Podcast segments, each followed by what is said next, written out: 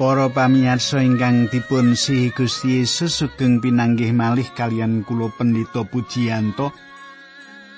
Kula badhe sesarengan kalian panjenengan wonten ing salebetipun adicara margi utami, adicara ingkang sampun panjenengan antos-antos. Kados pundi pawartos panjenengan kateng kula menapa panjenengan diberkahi Gusti Allah panjenengan tansah kajangkung dening Gusti Allah. Ing wanci menika panjenengan kula dherekaken nyemak kayektosan-kayektosan saking pangandikanipun Gusti lan ugi nderekaken panjenengan kangge nyemak saben kayektosan menika. Pengajeng-ajeng kula pepanggihan menika ngiyataken panjenengan lan lipur panjenengan wonten ing gesang ing jaket menika sugeng midhangetaken adicara menika.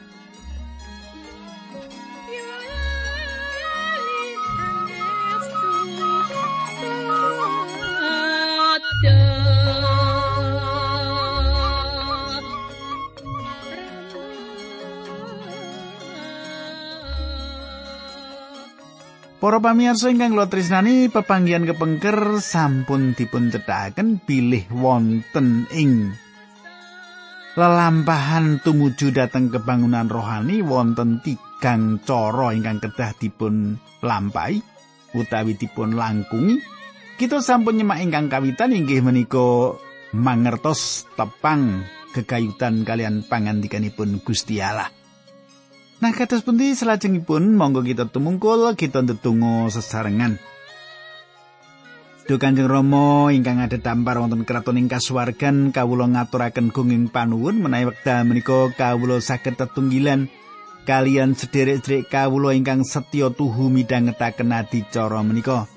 Kawula matur nuwun sanget Gusti Yesus lan linambaran asma paduka kawula pasrahaken adicara menika. Amin.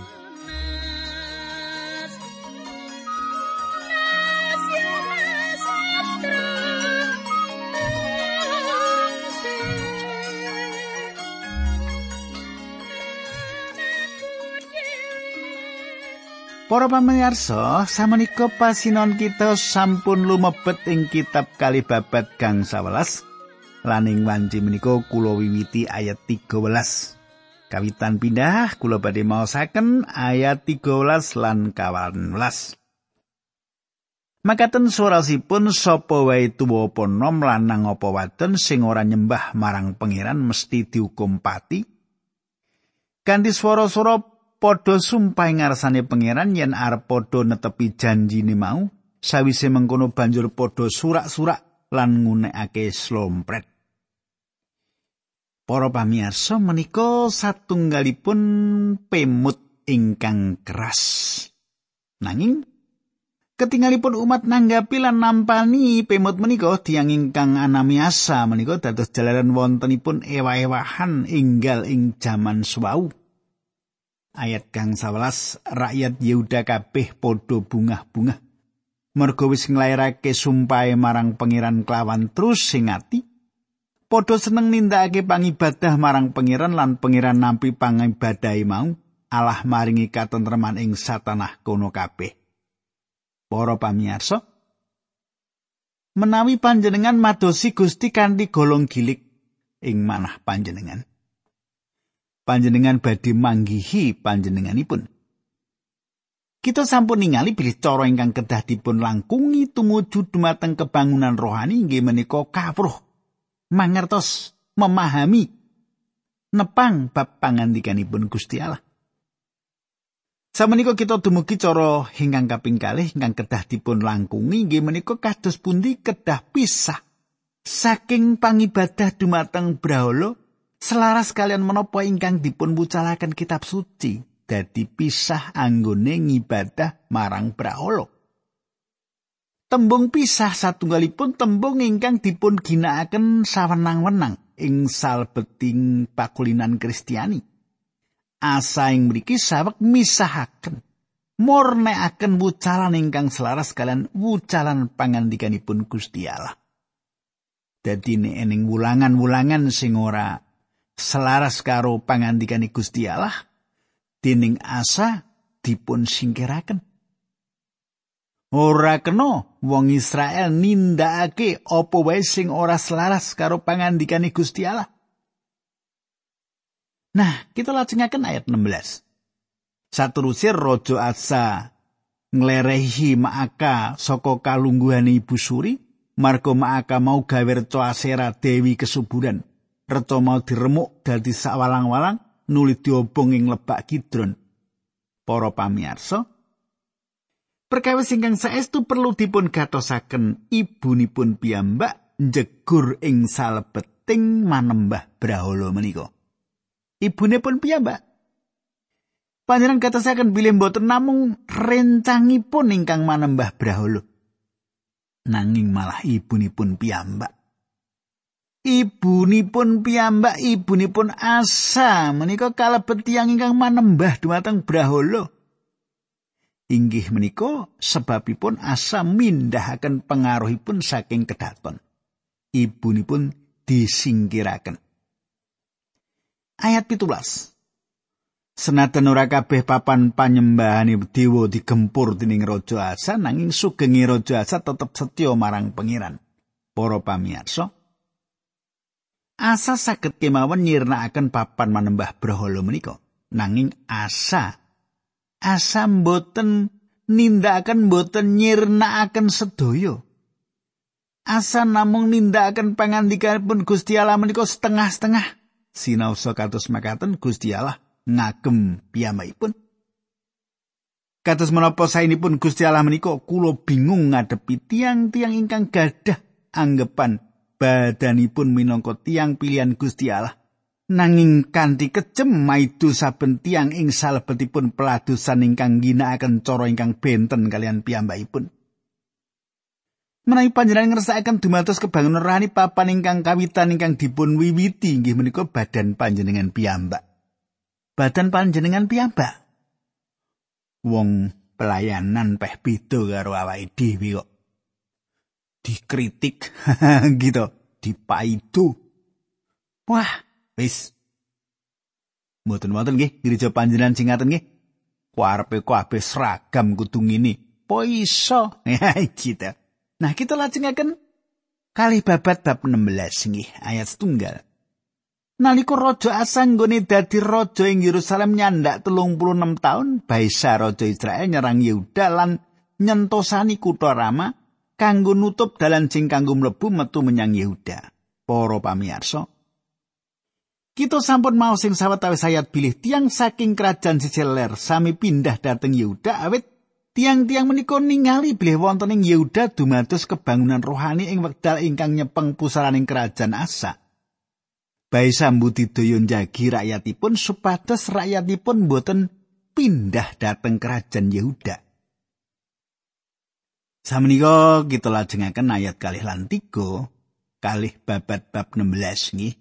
Raja Asa banjur mundut emas lan sloka saka pedalemane Allah lan saka kedatone dikirim menyang Ben Hadad Raja Syria karo meling mengkini.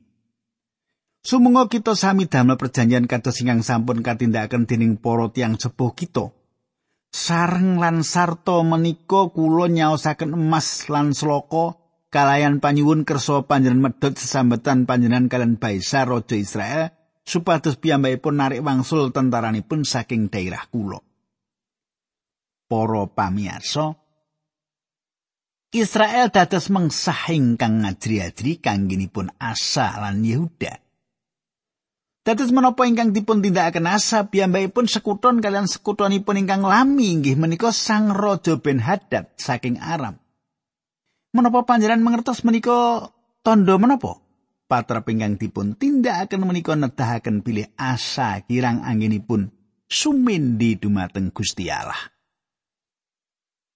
Kita lajengaken ayat sekawan. Ben Hadad ngrujuki usle raja Asa nuli utusan perwira-perwirane karo pasukane nyerang kutha-kutha Israel, kutha-kutha sing ditelokake ya kuwi Iyin dan Abel Bet Maakalan kutha-kutha sing kanggo nyimpen tandoning Naptali. Para pamirsa Raja Aram nanggapi lan ngintunaken prajuritipun. Ayat kang salah Bareng Baisa krungu, lelakon mau banjur mbatalake nggone nyentosani kutha Rama lan lunga saka kono. Raja Asa banjur ngerekake wong Yehuda kabeh didhawuhi ngusungi watu lan kayu sing dening Baisa kanggo nyantosani Rama. Barang-barang mau dipigunakake dening Asa kanggo nyantosani kutha Gibalan Mispa. Para pamirsa, menapa ingkang dipun tindakaken menika kasil nanging samenika Gusti paring satunggalipun pangandikan dumateng Asa. Ayat pitu wolu songo. Kecerita Nabi Hanani suwan marang Raja Asa aturi. Sarene panjenengan sumindi dateng Raja Sirialan boten dateng pangeran Allah panjenengan, pramila panjenengan boten badhe saged nelokaken tentara Syria. Menapa Sudan dan Libya angkatan perangipun boten ageng sarta gadah kereta perang lan tentara kapalan, ewa semanten pangeran maringi kemenangan dateng panjenengan, mergi panjenengan pasrah ing pangeran. Menapa pangeran boten ngwaosi bumi saisinipun lan ngetingalaken kasektenipun dhateng tiang-tiang ingkang setya panjenenganipun? Menapa ingkang panjenengan tindakaken menika kurang prayogi pramila wiwit samenika panjenengan badhe tansah ngalami peperangan. Para pamirsa, kenging menapa Gusti Allah ngutus nabi kangge ngimutaken? Kenging menapa? Kenging menapa Gusti Allah paring paukuman dumateng Asa?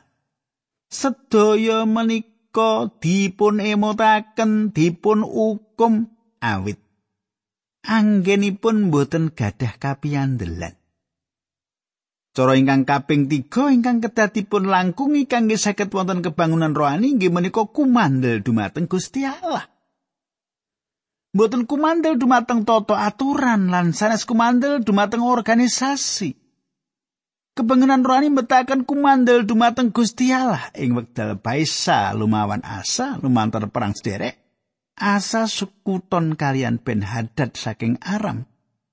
Pun Hanani ngimutaken dumateng Asa bilih Hanani kada bukti bilih Gusti Allah badhe ngecolaken piyambakipun.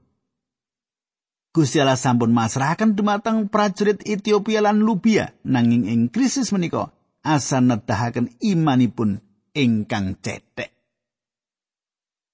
Para pamirsa, dos pundi panjenengan?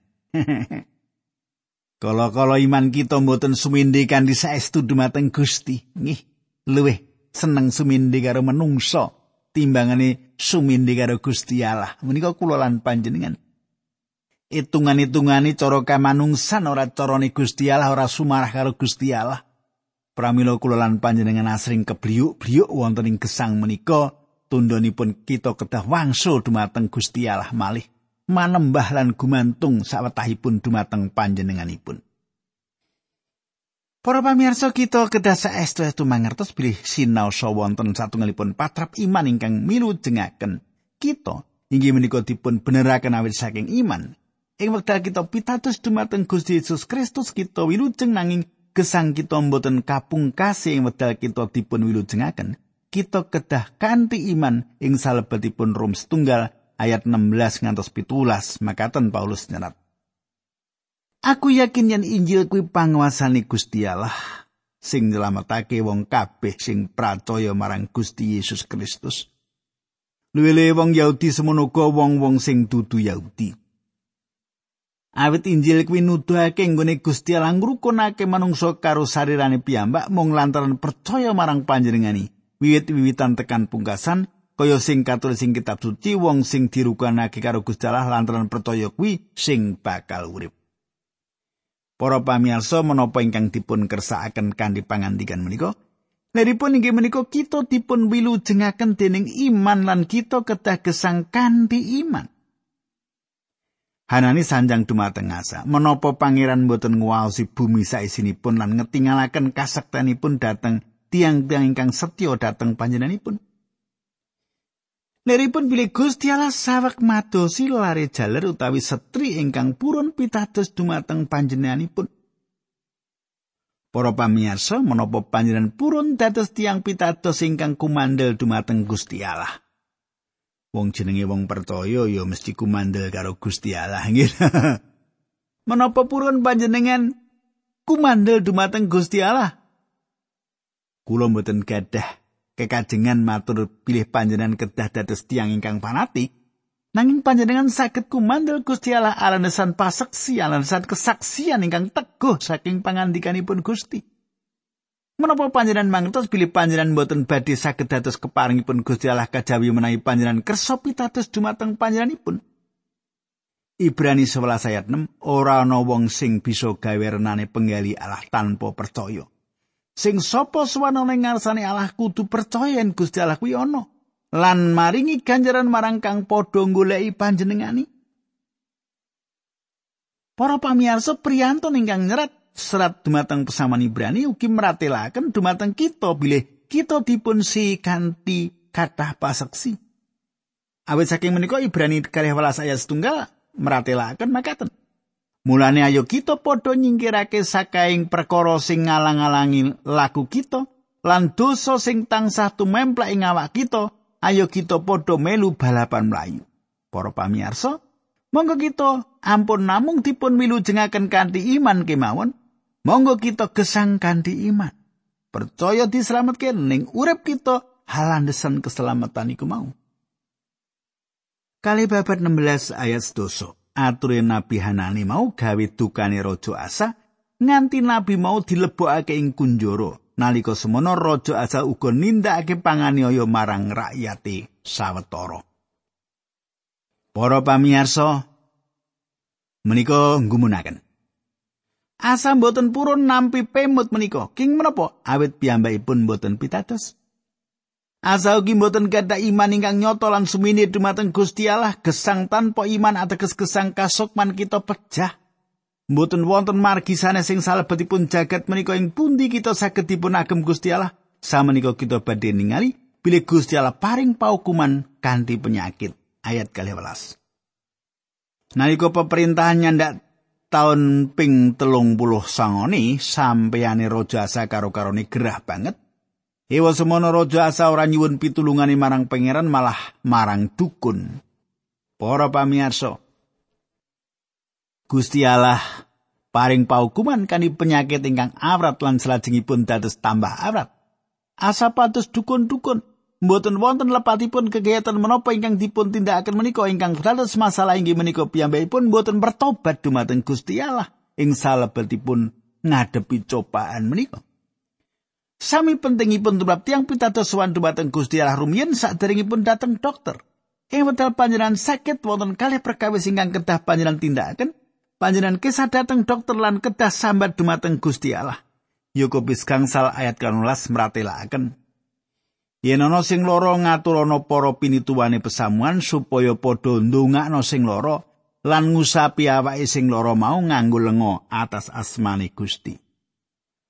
Para pamirsa panjenenganipun ngendika kalih perkawis ingkang kedah dipun tindakaken. Ingkang kawitan inggih menika ndedonga mertobat dumateng Gusti Allah nyebut asmanipun Gusti. Perkawis ingkang kaping kalih inggih menika njebati tiyang ingkang sakit kangge lisah. Panjenenganipun ngendika pilih tiang-tiang pitados kedah ndedonga dumateng Gusti lan pados dokter. Para pamirsa, kangilan asa inggih menika piyambakipun pados dokter nanging piyambakipun boten ndedonga dumateng Gusti. Ingkang dados kawigatosan kita lan kedah kita semak kanthi permati inggih menika kita ningali tiang jaler ingkang sampun nate ngraosaken kebangunan rohani nanging samenika gesangipun boten selaras kalian Gusti Allah lan gesang boten kanthi iman.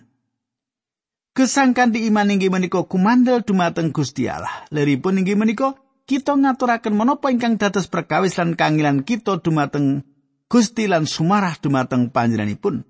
Patrap kados mekaten menika inggih menika satunggalipun iman ingkang saged nampeni menapa kemawon jawaban ingkang dipun paringaken dumateng kita awit panjenenganipun mireng lan paring jawaban atas donga kita lan jawaban menika selaras kalian cara ingkang dipun agem dening panjenenganipun piyambak. Panjenenganipun saged ugi mboten paring jawaban donga kita ingkang selaras kalian menapa ingkang dados kekajengan kita. Panjenenganipun mboten badhe paring jawaban selaras kalian cara kita nanging selaras kalian menapa ingkang dados kersanipun. Nanging panjenengan saged yakin ing satunggal perkawis menawi panjenengan masrahaken menapa ingkang dados perkawis panjenengan dumateng Gusti panjenengan badhe wonten ing salebeting kersanipun. Menawi panjenengan wonten ing salebeting kersanipun, menika satunggalipun jawaban ingkang sae piyambak ingkang panjenengan tampeni langkung saya tinimbang kalian menapa ingkang panjenengan suwun. Para pamirsa, kita lajengaken ayat 13 lan 18 kalih babat bab 16. Let rong taun Raja Asa sedo. Layone dibure nganggo anggi-anggi lan lenga wangi banjur disareke ing pesarane raja-raja ing kutha Daud kanggo ngurmati panjenengan rakyat gawe api unggun gedhe banget. Para pamirsa, rakyat damel latu unggun kathah kangge piyambakipun. Ing jaman pemerintahan Asa Yehuda nglampahi menapa ingkang dipun sebat kebangunan rohani. Sinaosa piyambakipun nindakaken kebangunan rohani menika namung setengah-setengah. Nanging Gusti Allah tetep ngagem piyambakipun. Samenika pasinon kita lumebet ing kali babat pitulas. Pitulas ayat siji, Yosafat banjur ngenteni Asa ramane dadi raja ing Yehuda sarta nyentosani negarani supaya kuat nahan serangane Israel. Para pamirsa Yosafat menyatakan kerajaan Yehuda atas serangan saking Israel saking kerajaan Sisiler. Ayat kalih kutha-kutha ing Yehuda sing ana betenge kabeh dijaga tentara, mengkono uga daerah-daerah sanjabane kutha lan kutha-kutha sing direbut dening ramane ing tanah Efraim. Panjenengan imut ing pasal saderengipun dipun cariyosaken kegayutan perang antawisipun Yehuda lan Israel.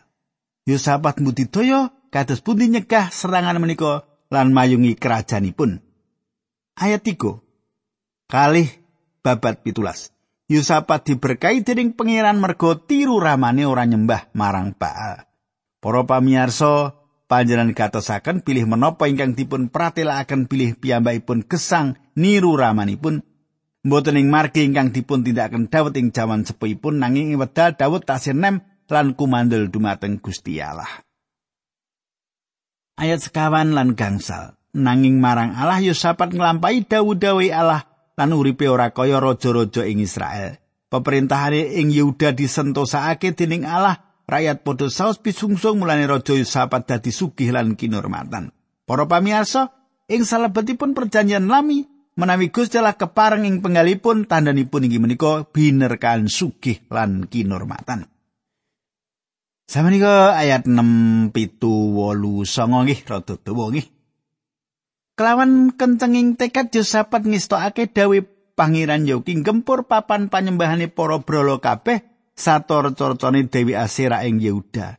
Nalika pemerintahane nyandak taun ketelune Raja Yosafat ngutus punggawa-punggawane sing dhuwur pangkate didawi mulang marang rakyat ing kutha-kutha Yehuda bab pernatan-pernatane Allah kayata Ben Hail, Obaja, Zakaria, Nathanael lan Mika. Wong-wong mau dikancani wong Lewi lan Imam Songo, wong-wong Lewi mau ya Semaya, Netanya, Sebaya, Asae, Semiramot, Yunatan Adoniran, Tobia lan Top Adonia, dini imam-imam Elisa malan Yoram, wong-wong mau padha sumebaring kutha-kutha Yerusalem karo nggawa kitab pernatan-pernatane pangeran lan mulang rakyat sing ana ing kono.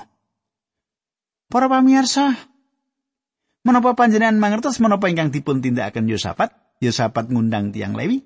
Awit jaman semanten dereng wonten cara ingkang modern kados samenika pramila tiang-tiang kala wau kedah anda tengi rakyat secara pribadi.